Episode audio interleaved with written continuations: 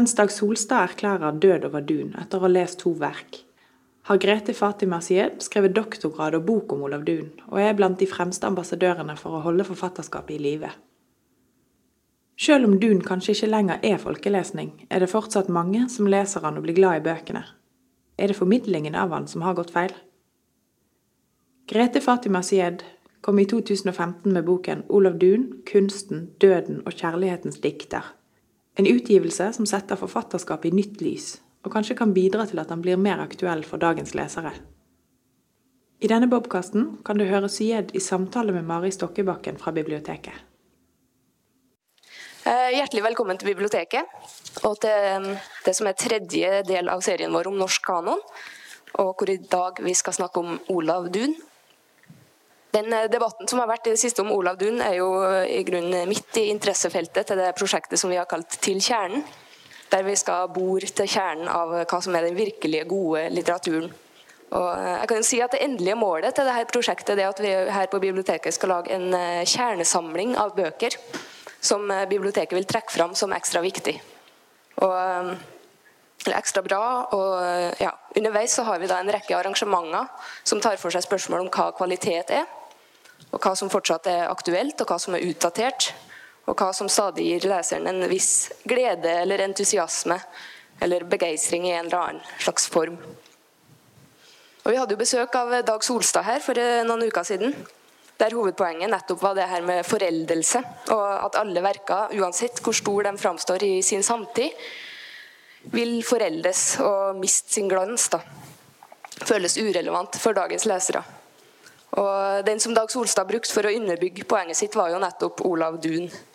Eh, som lenge var sett på som en av Norges aller største forfattere. og Han var jo til og med aktuell for nobelprisen i litteratur, men som nå lider under å ikke lenger bli lest av allmuen, i hvert fall. Og ja, Det stemmer jo til en viss grad, det han sier at ikke like mange leser Olav Duun som før. Men så er spørsmålet da, stemmer det at det skyldes foreldelse? Stemmer det at all litteratur foreldes, samme hvor god den framstår i sin samtid? Og blir, blir, da det å lese klassikere først et eh, studie i historie? Et, eh, ja, et historisk studium, rett og slett? Eller uh, har det noe for seg for en litteraturinteressert leser? Så Vi har med oss en ekspert på Olav Duun her i kveld. Grete Fatima Syed. Som har tatt doktorgrad på forfatterskapet hans, og som da har skrevet boka 'Olav Duun kunsten, døden og kjærlighetens dikter' som kom ut i fjor, og som er mulig å kjøpe i hjørnet der for den som har, uh, har lyst til det.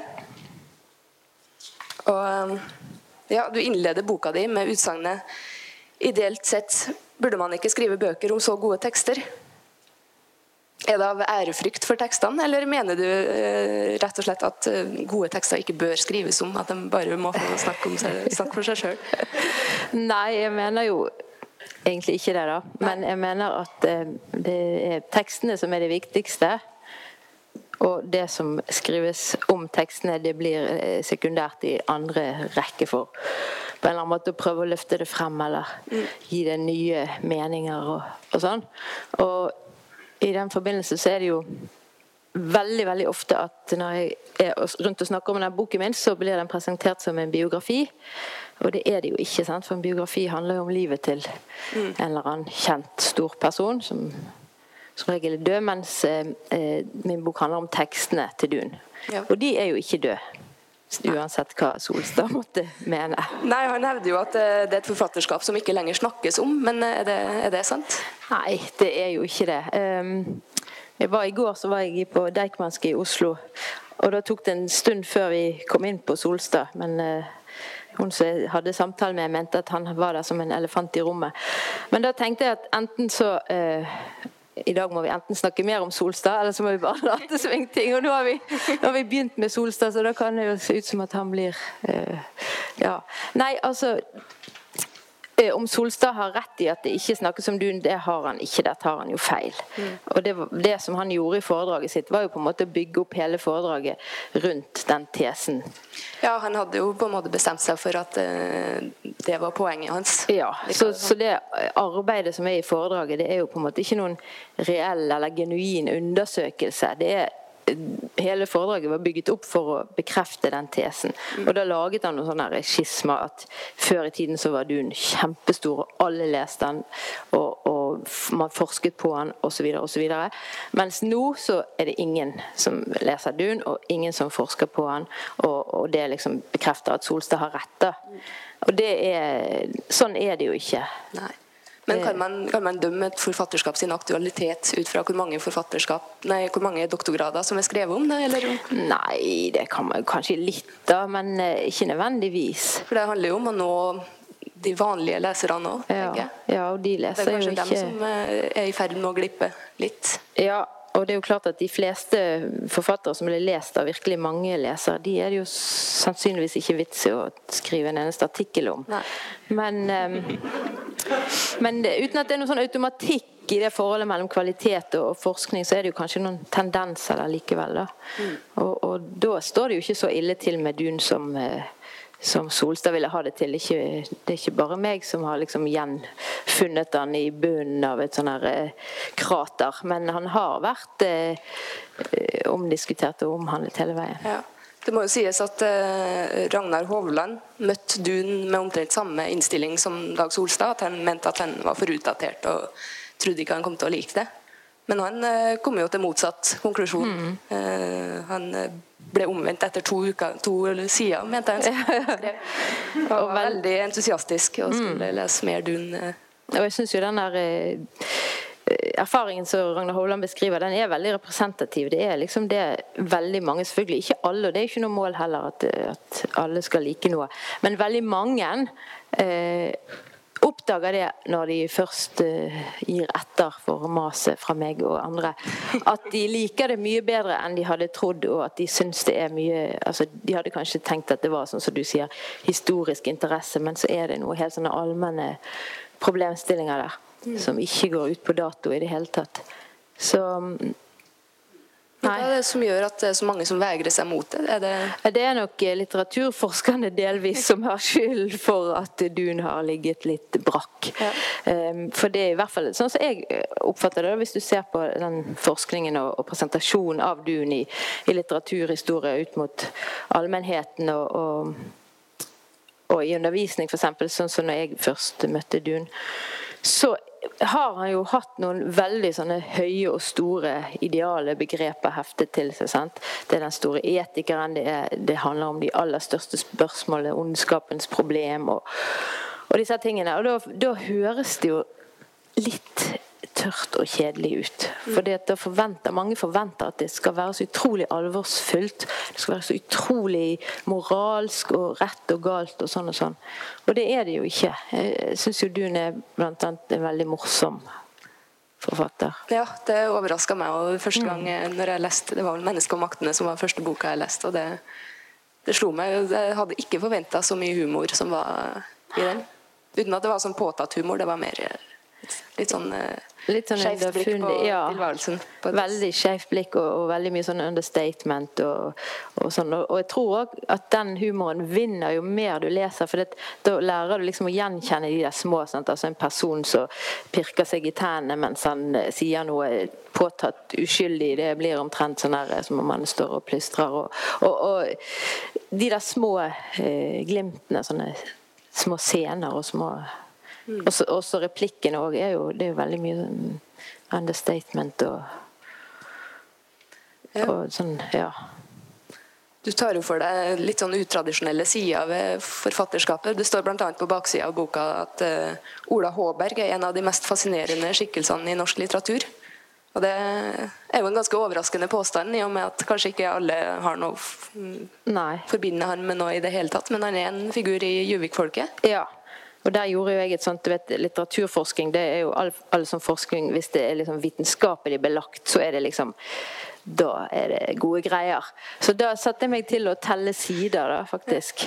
Fordi at Juvik-folket er jo en det, det, er det jo ingen som bestrider at det er et hovedverk i norsk litteratur. Og Juvik-folket handler jo Altså det er jo For de som ikke har lest det, da, eh, så er det seks bind. Og de tre første handler om slekten fra liksom gammel, gammel mytologisk urtid omtrent og fremover. Og så er det eh, begynner det tredje bindet da med at Odin ble født, og så er det hans Eller det begynner litt etter at han er født, men så er det hans barndom, ungdom og, og voksenliv frem til han ofrer livet på denne berømmelige båtscenen. Men da er det jo mange som tenker at Odin er hovedpersonen og, og Juvikfolk. Men når jeg talte antall sider, så er Ola Håberg eh, lengst til stede. Så da var jeg veldig fornøyd med at jeg kunne vitenskapelig belegge med empiriske fakta at han var hovedperson. Og da kunne jeg også liksom dedusere meg frem til at hvis Juvikfolket er et hovedverk i norsk litteraturhistorie, og Ola Håberg er en hovedperson i Juvikfolket, ergo er Ola Håberg en, hoved, en av de viktigste personene i. Men han er jo en biperson hele tiden. Han, ja. er, han er aldri han Men hva er det han som gjør, gjør, gjør så interessant? Jo, han er, han, han er veldig sånn eh, dobbel, da. Han har masse av disse innfulle replikkene og, og sarkasme og hån og, og spott. Og han er veldig skarp, så han gjennomskuer folk eh, sine motiver, folk sine egentlige eh, Hvorfor de handler sånn som de gjør. Han avkler liksom fjolleri og, og, sånne eh, innpakninger da, som vi gjerne liker. Og, men samtidig så er han òg en, en varm og fin person. Han er veldig opptatt av gården. Han er veldig sånn følsom knyttet til liksom jorden og myren, snakker han stadig om. Han og myren, liksom. Og, og når denne historiske utviklingen går, så, så, er jo gården i fare for å bli splittet opp. og sånn, og det syns Ola Håberg er eh, veldig trist. Altså, han har veldig mye sorg i seg. Eh, og så er han interessant i kjærlighetsperspektivet, for han har veldig sånn intense kjærlighetsforhold som også går ganske dårlig alle sammen. Fordi at han er så destruktiv og ikke, han er ikke noe snill med seg sjøl. Og det siste ja. ja. Og det siste som gjør han interessant, er jo at han er kunstner, og uh, han er spellemann, og han er sanger, og han, uh, han er veldig begavet. Mm. Han um, han gjør eh, Ja, han kan spille og synge liksom uten så folk kommer i disse her Jeg eh, hørte akkurat på P2 i dag de snakket om denne rustransen du kan komme i når du Altså med hardingfele. Eh, rammeslått, eller rammeslått heter det. Eh, at eh, kunsten blir en sånn undergangs Du, du mister ditt rasjonelle styrings... Eh, over jeg, eller hva det heter. Og så blir du helt sånn. Og det, det syns jeg òg er interessant og viktig. Mm. Ola Håberg tar livet sitt på, til slutt, mm. på en måte som du snakker en del om. Mm. Eh, som flere av karakterene til Dun gjør. Ja, flere hos Dun gjør det. Dun skriver ganske mye om folk som sliter og, og både har eh, alle mulige slags psykiske problemer og tar livet av seg. Eh, og det er flere av de som gjør det som Ola Håberg gjør det er noen som henger seg og sånn, men han går på sjøen og drukner seg, og så tar han av seg skoene og setter de fra seg på land. Og For meg var det sånn igangsettende jeg satt og skulle lage dette her doktorgradsprosjektet, for da hadde jeg jo alt skrevet hovedoppgave om Dun. Og så tenkte jeg hva søren skal jeg gjøre nå? liksom, det, må jeg finne på noe. Så, så tenkte jeg jeg må jo gå der så det brenner, på en måte, der så jeg merker at det er noe. Og da syns jeg det var et så utrolig sterkt og vakkert og gripende bilde. Veldig sånn visuelt og estetisk. Sant? At disse her skoene står der. Men hvor, hvorfor gjør de det? Altså, det er jo ingen forklaring på det. Sant? I den tiden var jo det å begå selvmord var jo veldig tabubelagt. Og, sant? Vi, det var, selvmordet ble jo ikke begravd på kirkegården engang opp til, langt opp i årene. Så det, det var jo helt eh, irrasjonelt på den måten at han skulle gjøre det. Så jeg drev og pønsket og forsket og holdt på med det der bildet i månedsvis. Eh, men jeg tenker jo at eh, en ting er hvorfor han, han gjør det. da. Han er jo tross alt bare en romanperson. Det er jo Dun som har latt han gjøre det. Mm. Og da tenker jeg at det kanskje er fordi at det har en sånn virkning, en effekt på Ja, det er jo et veldig estetisk bilde. Ja, det er skoen som står ved kaia. Veldig gripende. Og det er òg en eh, som heter Petra, som gjør det i den romanen som heter Harald, en tidlig roman. Og der er det veldig, altså det er noe av det tristeste, syns jeg, hos Stuen. For da kommer mannen liksom om morgenen kommer mannen ned og med ungen på armen og finner disse skoene, og så tar han de med seg og går liksom opp igjen til huset helt, helt ribbet. Sant? Da er det bare alt rast. Men han har med seg disse slitte, gamle skoene. Det er jo veldig effektivt, fordi da skjønner de med en gang hva som har skjedd. Mm. Det er liksom aldri noe tvil når de, du ser de skoene stå ved, ved kaia, så er det Mm. Ingen vei tilbake. Det er ikke noe håp lenger. Nei, også er det veldig sånn takknemlig for en eh, litteraturforsker, da, for det, det er så utrolig mye mening du kan dra ut av det. sant? Det er jo eksempel, I mange religioner så kan, kan man ikke ha på sko når man går inn i, på det hellige stedet. sant? Og så handler det om spor og eh, sporene du setter etter deg, og sporene i skoene, og, og skoene sine spor på landjorden. Så det, jeg syns det er veldig, et veldig vakkert bilde. Men det er jo også, som du sier, et veldig litterært bilde. Det er jo ei var det Sigyn som kommenterte at eh, det kunne hun gjøre, for det hadde hun lest om i bøkene. At det, det var en måte å Og det er visstnok altså Jeg har funnet det noen steder hos Herman Bang, annet, den danske eh, forfatteren. Så det er, og, og det når jeg drev og spurte alle folklorister og etnologer og, og psykiatere på selv, Institutt for selvmordsforskning og sånn, så var det veldig mange som hadde liksom Jo, det, det har jeg hørt om. Men, men det var helt umulig å finne finne noen kilder da, som man igjen gjerne trenger hvis du skal skrive en doktorgrad. Så det fant jeg vel aldri, bortsett fra noen litterære kilder. Da. Men, eh, og det er jo litt typisk for det, sånne ting som ikke betyr noe i, i vår viktige verden, liksom. Der, eh, der har det ingen mening. Men i en roman så har det veldig mye mening. Jeg hadde litt sånn samme følelsen når jeg tenkte på det bildet som når jeg føler Jeg, jeg hører en melodi som jeg føler jeg har hørt veldig mange ganger før. Og så når jeg begynner å lete i musikkverdenen og sånne ting, så finner jeg ikke hvor jeg har hørt det før. Og det samme med det bildet, at det føles ut som det er et veldig sånn typisk litterært bilde, men når jeg begynner å lete etter det, så, så finner jeg det ikke likevel. Nei. Men i boka di så er du veldig opptatt av hva som skjer med leseren når vi leser. Hva er det som skjer når vi leser Olav Duun? Det skjer jo mange ting, da. Vi blir underholdt, Ja. og vi blir rystet. Og jeg tror vi blir utfordret til kanskje å se på noen ting som ikke er så hyggelig å se på. Noen, kanskje sider ved oss sjøl, eller sider ved samfunnet. Samfunnet er jo som regel altså Dun Dun er en veldig sett 'Den ene og de mange', og, og det er liksom Det er alltid den ene som han er interessert i og har sympati for. da, Sånne gruppementaliteter de blir veldig ofte avkledd og, og uttenkt. Bygdedyret, liksom den, den type ting. Uh, nei, jeg syns han er en god psykolog. altså Han ser liksom gjennom folk. Og så utleverer han de på en måte som kan være både ram og, og brutal, på en måte, men samtidig har han jo den her uh, kjærligheten for personene sine, føler jeg, da. Ja, i blant annet den, den novelle du snakker ganske mye om, som heter 'Ei lita jente og tjuven hennes'. Der skriver du bl.a. hvordan leseren får sympati med en morder eh, gjennom at vi, vi ser gjennom en liten jente sitt udømmende blikk. Og det er jo Ja, det er litt typisk, for det, det tror jeg at du, når det gjelder det med ondskap, så tror jeg at Eller eh, For det, han, han er aldri sånn Der er de gode, og der er de onde. Sant? For han så er det mer interessant å finne ondskapen i de gode, og kanskje godheten i, eller menneskeligheten i, i de onde. Så det er jo helt de der grunnspørsmålene han baler med. Altså, hva er det menneskelige? Hva er det som kan bo i, i mennesket? Og det er ganske mye. altså Fra de verste sånn fornedrelser og selvdestruktivitet og gørr og møkk. eh, Sånn pinligheter. altså Pinlig hva folk kan få seg til å gjøre. Sånn her eh, underslå brev i, i det gode samvittighet. En som holder på å underslå brev i årevis fra en jente som han vil ha, da, som får brev fra Amerika. Og så er det han som går med posten, og, og han bare tar de der brevene og jeg tror han leser de, men det ender vel med at han brenner de.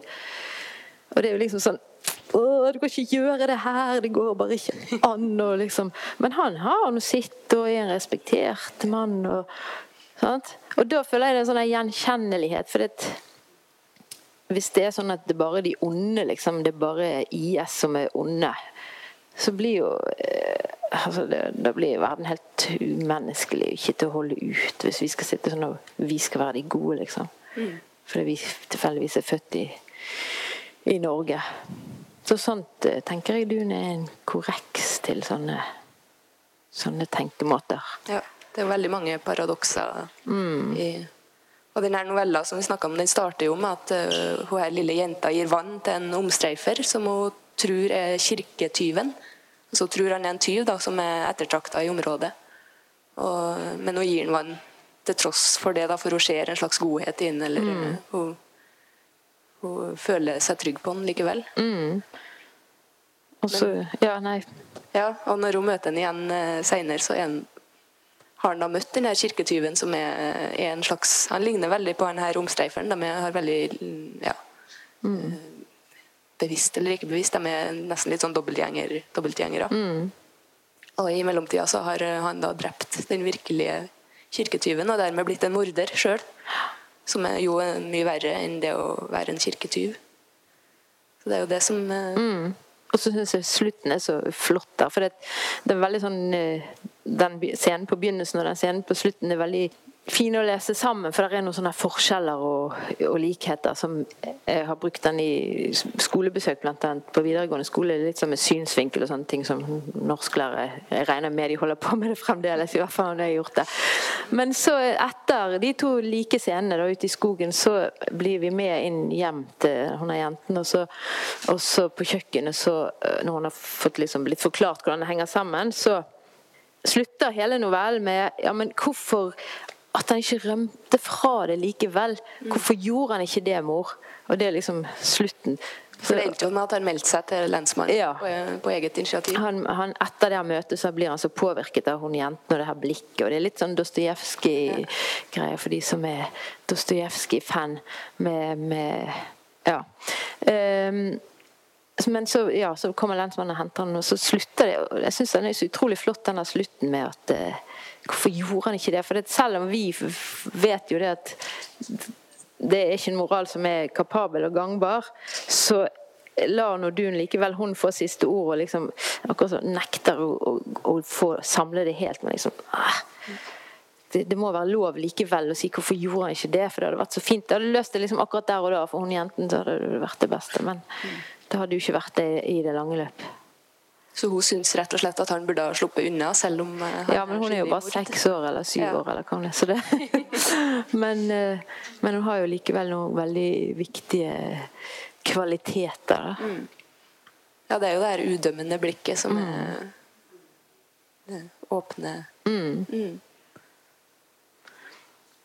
Og han virker jo som en eh, forholdsvis god person ut fra sine egne tanker òg. Mm. At han Ja. Ja, ja. Det er jo, han har jo gode og dårlige sider, han òg, Ja. som de fleste andre. Men eh, ja, et av hovedpoengene til Solstad er jo at han føler at det blir for konstruert. At han føler at han gjennomskuer eh, forfatteren. Du rister på hodet. Ja, det han gjør det jo, Solstad gjør det så enkelt for seg. sant? Altså Tar et, et seksbindsverk som er bredt anlagt episk, og så anklager han det for å være bredt anlagt og episk. Sant? Det er litt som å si nei, det er så jækla mye rim og rytme i denne der eh, 'De brente våre gårder'. og de- eh, Og det er fire verselinjer og strofer, og nei, det går ikke. Sant? Altså, det, det det er på en måte ikke noe skikkelig hold i den type Jeg kan jo være enig i mye, og det som sier om slutten i Juvik-folket Ja, det er det kan, det kan gå an å gå med på noe av det, men jeg syns hele retorikken hans var så bare så eh, Anklage en roman for å være konstruert. Altså, hva roman er det som ikke er konstruert? Og så at det blir tydelig at den er konstruert. Men det er jo klart det er tydelig hvis du ser etter, for den er jo konstruert. og Hvordan kan du ikke se det, for det er jo bare noen, noen ord der. Men det jeg tror med Solstad, er jo at han Egentlig så snakket han jo mest om seg sjøl. Ja, og når han, ja, det, alle samtalene har Eller både foredraget ender opp med Og så leser han litt Hamsun, og så, og så tenker han på sin egen foreld, foreldelse. Og eh, så var han på P2 noen dager etter. Akkurat det samme begynner med å snakke om Dun, men så bare graviterer det ned til å snakke om seg sjøl. Og, og, så var det en sånn panelsamtale på Nasjonalbiblioteket som jeg vet ikke om den ligger ute ennå, men den lå i hvert fall ute. Der det var hun Anne Skomsvold og Erling Sandmo og Janniken Øverland og Solstad. Og der skjer akkurat det samme. Så Det er jo vel og bra at Solstad er en stor eh, forfatter og har vært en viktig mann i Norge og, og sånn, men eh, ja. ja. Men det er jo interessant det der med foreldelse, da. Det syns jeg. At, eh, at, ting føles uaktuelt etter en viss tid. Men mm. det har jo ikke skjedd med alt. Og det, Nei.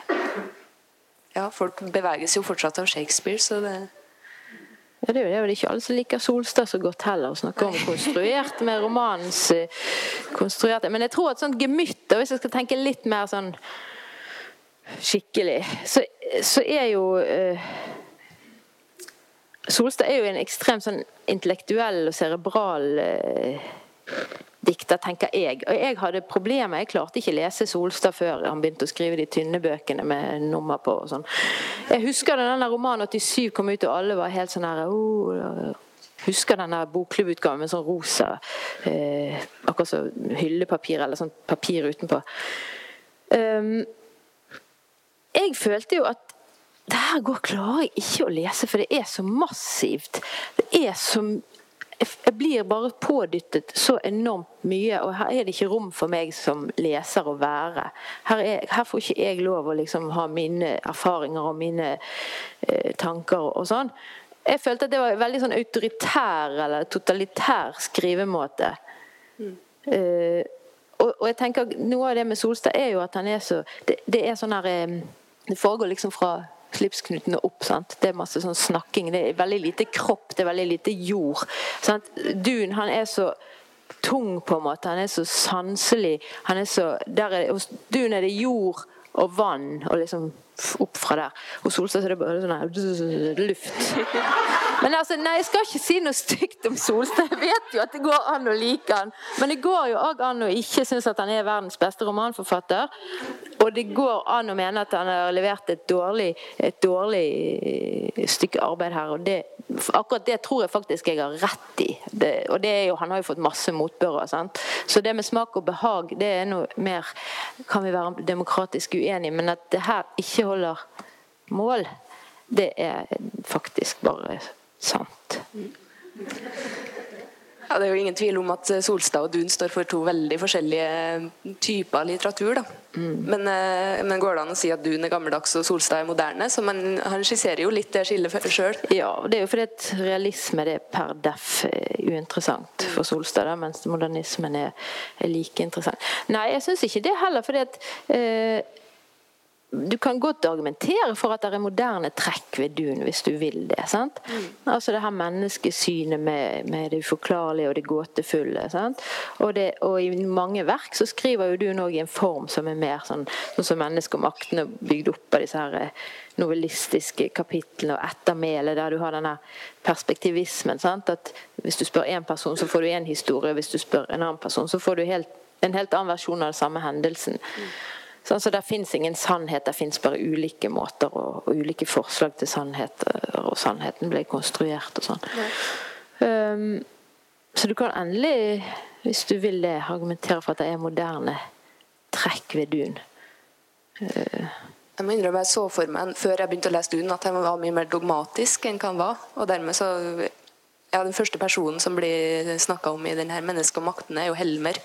Og da tenkte jeg at ja, det her er den gode personen. Ja. Og den, det er den, den, personen vi skal eh, identifisere oss med. Og så så jeg for meg han der sjø, sjøtrollet mm. som går rundt og er så full av bitterhet og bjeffer mot alle. Men eh, det skillet det utvannes jo mot slutten, og, og sjøtrollet framstår jo som en veldig mm. Ja. Der er mye mer nyanser. Har, har litt mer med seg likevel. Har en forhistorie. Og det, det, er jo veldig typisk at det er komplekse karakterer, og at det er med godt og vondt at det ikke er entydig. Og... Mm. Jeg må nesten spørre, altså vil du slå et slag for de gamle forfatterne, eller altså Nei, ikke sånn i og for seg, bare fordi de er gamle. Og det er jo litt sånn òg det der med det historiske, for jeg er jo ikke så veldig interessert i historie. Jeg er ikke så interessert i, i biografiene til folk heller. Jeg likte veldig godt den Cora Sandel-biografien, men det var fordi hun hadde så fine hatter. Fantastiske bilder. Har du sett det? De hattene de er bare helt sånn asymmetriske. Men, men eh, sånn at for meg eh, er det sånn som jeg bare Altså Det er ikke noe problem. så Det er i hvert fall ikke derfor. Det er ikke fordi jeg er interessert i, i, hvordan de drev fiske der, og hva type båter de hadde, og hva, og hva redskaper de hadde på Nei, overhodet ikke. Um, så du har ikke skrevet boka for å vekke liv i en klasse, eller den klassiske litteraturen? Nei, jeg tenker at, uh, Dunes fremstår som helt samtidig. Det er en kjent bok som heter 'Shakespeare vår samtidige'. Jeg tenker at Dune, sånn som jeg leser den, så er ikke det Det er jo selvfølgelig litt vanskelig av og til å se for seg ting, og, og litt vanskelig språk og sånn, men, men, eh, Nei da, og de fleste Og når jeg holdt på med Dune, så leste jeg jo liksom masse sånn Johan Boyer, Ronald Fangen, Alvilde Prytz Opp med hånden, alle som har hørt om Alvilde Prytz. Det er ikke mange. Jakob Reda Bull og sånn. Og jeg syns jo det meste var så utrolig kjedelig. Jeg har veldig dårlig selvdisiplin på å lese ting jeg ikke liker. Så i går var jeg på det der bokbadet på Grünerløkka, så var han Per Egil Hegge der. Og han eh, spurte om jeg kunne utdype et eller annet med Dun og Ronald Fangen. Er det bare eh, Nei, det kan jeg dessverre ikke. For jeg klarer ikke det som ikke liksom griper på en eller annen måte virker emosjonelt relevant, eller på en eller annen måte at det er noe temperatur i det. Så, så nei, det er absolutt ikke å grave frem noen som er historisk uh, fortidig, bare for å gjøre det. Nei. Hva var det da ved Olav Duun som gjorde at uh Nei, altså, jeg, syns det er fryktelig, fryktelig fryktelig god litteratur, altså. Jeg syns det fortsatt. Jeg syns hver gang jeg eh, leser en eh, snutt, så ser jeg noe som jeg ikke har sett før. For meg er det et veldig bra tegn. Og til og med da jeg var sist i en skoleklasse oppe på Mære med den novellen, så sitter jo disse her elevene som er ganske uinteresserte og tygger tyggis og tegner border og sånn, men de, de, har jo lagt merke til ting de gjør som jeg ikke har lagt merke til Jeg begynte med den novellen, det må jo ha vært i 2003 at jeg begynte virkelig å nærlese den novellen. Jeg syns det er dødelig spennende, altså. Mm. Men det første som jeg grep meg, eller som jeg la merke til sånn konkret, det var kanskje det her motsetningsfylt og det paradoksale. Det første jeg leste, var 'Medmenneske'. Og der er det jo hun Ragnhild, som mange blir sett på som den store ideal kvinnen. Men, men, hun har jo masse motsetninger i seg. Masse spennende Spennende greier. Hun ender jo opp med å drepe noen med øks. Ja, det er jo ikke bare Det er ikke bare bare. Nei. Nei. Så det, det, var noe av det første. Så Og så kanskje humoren, ja. Eh, og, og, rett og slett at det er spennende fortellinger òg. Plottet er Han er veldig god, syns jeg, på lage interessante altså, du, slett, du må lese for å finne ut hva skjer videre. Får de hverandre til slutt? Altså, det er mye sterke lidenskaper. Sant? Sånn som I den romanen som heter 'Gud smiler', så er det veldig sånn her utrolig sterk eh, tiltrekning mellom uh, hun Gudrun og litt, litt, ulike menn, litt vekslende menn. De dør og litt sånn etter hvert. Men uh, Og og sånn som i Tre venner, der er det en rivalisering mellom tre venner da, som skal overgå hverandre i mannsmot og, og, seile lengst mulig ut på havet og litt sånne ting. Og det er spennende. Det er medrivende. og ja. ja, det er jo underholdende, rett og slett. Ja, det, er det. Mm. det må være lov å si. Det må være lov å si. Mm.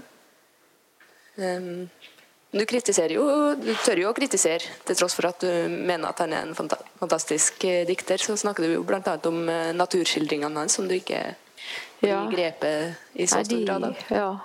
Av og til har jeg syntes at de eh, går litt over kanten. Det blir litt for sånn svulmende og jeg tror du Det er sikkert mange som er uenig i det? Ja, det vet jeg. Det Det er mange som syns at de er veldig fine. Og det er mange av de er fine.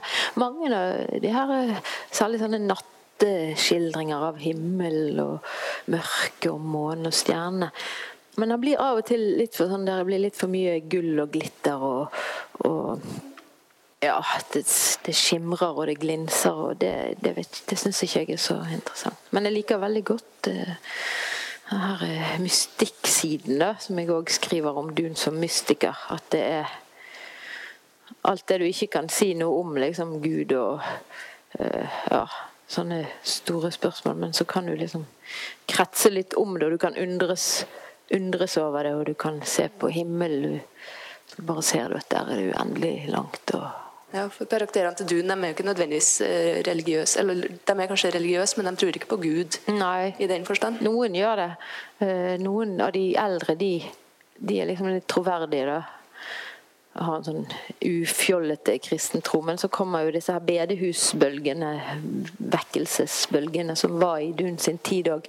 Og de er han ikke særlig nådig mot. altså Der er han på sitt eh, mest sarkastiske og utleverende. Uh, og det er jo nettopp de som tror de kan si noe om Gud. Sant? De omtrent vet hva Gud tenker, og hvis du gjør sånn, så kommer du til himmelen, men hvis du gjør sånn, så kommer du det andre stedet. Og, og det tåler ikke du uh, den typen sånn maktmisbruk som ligger i det, da, på en måte.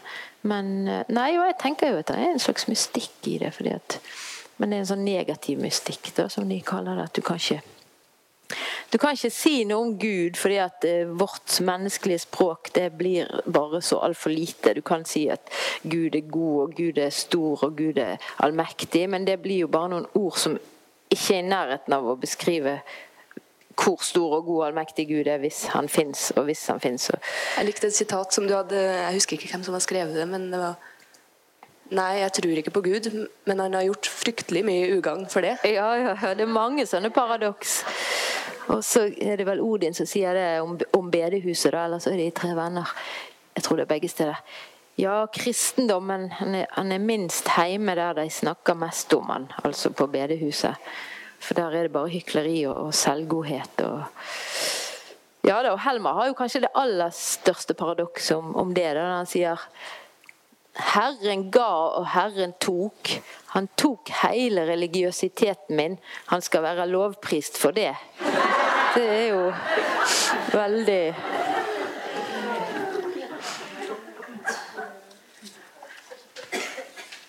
Men eh, hva tror du om eh, framtida til Dun? Tror du Den tror jeg er lys.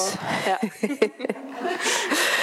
Nei, eh, det er jo sånn helt eh, på det pragmatiske plan at uh, du har jo Nå er vi på biblioteket, og der har de jo alltid hatt dun, men i bokhandel er det jo kun mennesker og makten å få på papir.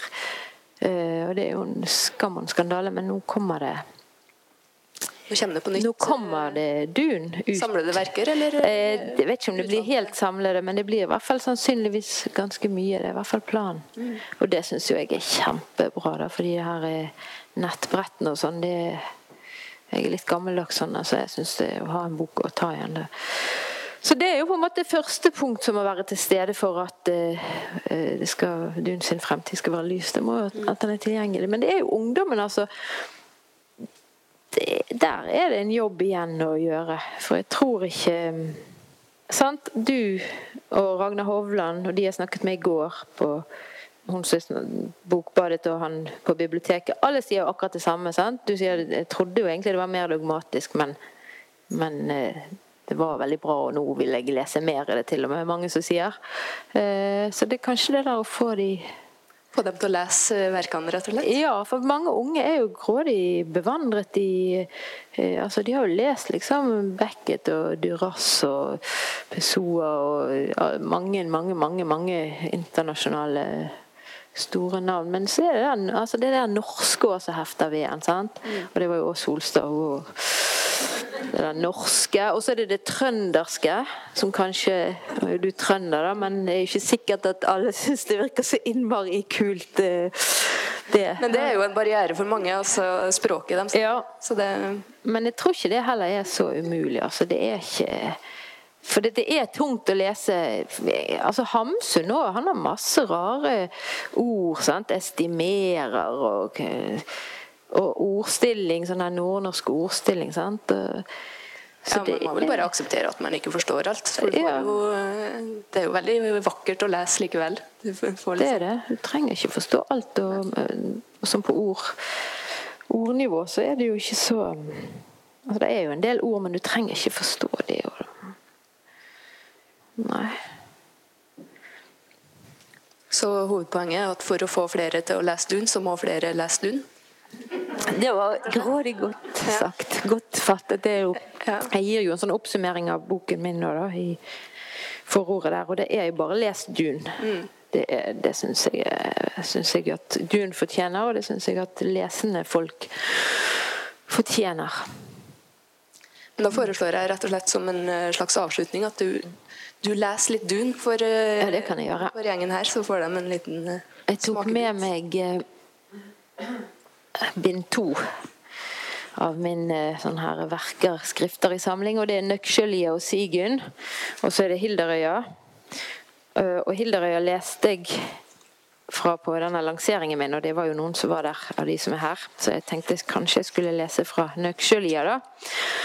Nøkkeløya og Sigun det er to romaner som handler om Sigun fra hun er en liten jente til langt Ja, vi følger hun ganske tett gjennom eh, gode og onde dager. Ehm, og her er på begynnelsen er jo òg litt dette her eh, bygdedyret på en måte litt synlig. Bygdesnakk og, og ryktesprederi. Og ehm, ja, det er en sånn introduksjon som jeg tror kan være kanskje grei å eh, gi mersmak, til og med, kanskje. Da skal jeg lese det. Det ble verre og verre nå for tida, tykte folk, da de hørte det ble lyst foran Ingebrigt på lensmannskontoret og Sigrun, eldste dattera til lensmannen. For kleinere kar enn Ingebrigt gikk det ikke i to skor der i bygda. Og hvordan de hadde stelt seg når lensmannen måtte gi etter, det kunne en alltid skjønne. Men at lensmannen ga ifra seg poststellet til denne håtangen, det var mer enn de fikk inn i En fikk nå sjå som levde, sa de. Og det ble nok å sjå. Først kom det en jentunge til, straks etter at de var gifte. Et års tid etter satt han Ingebrigt i hullet. Han hadde stjålet amerikabrev som kom, og leita etter penger i dem. De fant ovnen på kontoret hans fullstappa av brev, ble det fortalt. Han kom ut att og gikk og slong ei tid. Lensmannen hadde tatt poststellet att, så ble han fastsett for alvor. Hva han nå hadde gjort, fikk de ikke tak i, men ikke lenge etter fikk de høre han hadde hengt seg, så det var vel ikke bare småting. Sigrun strøk til byen. Hun ville ikke ha korkje hjelp eller trøst. Barnet sørgde lensmannen for. Et år eller så etter dette ble det fortalt at hun var gift igjen.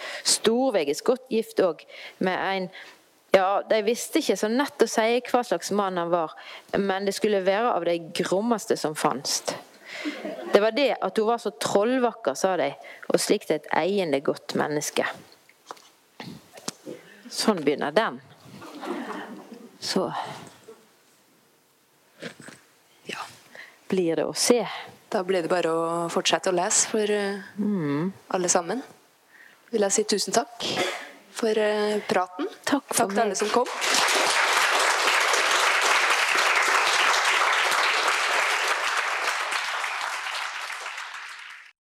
Du har lyttet til en podkast fra Bergen offentlige bibliotek.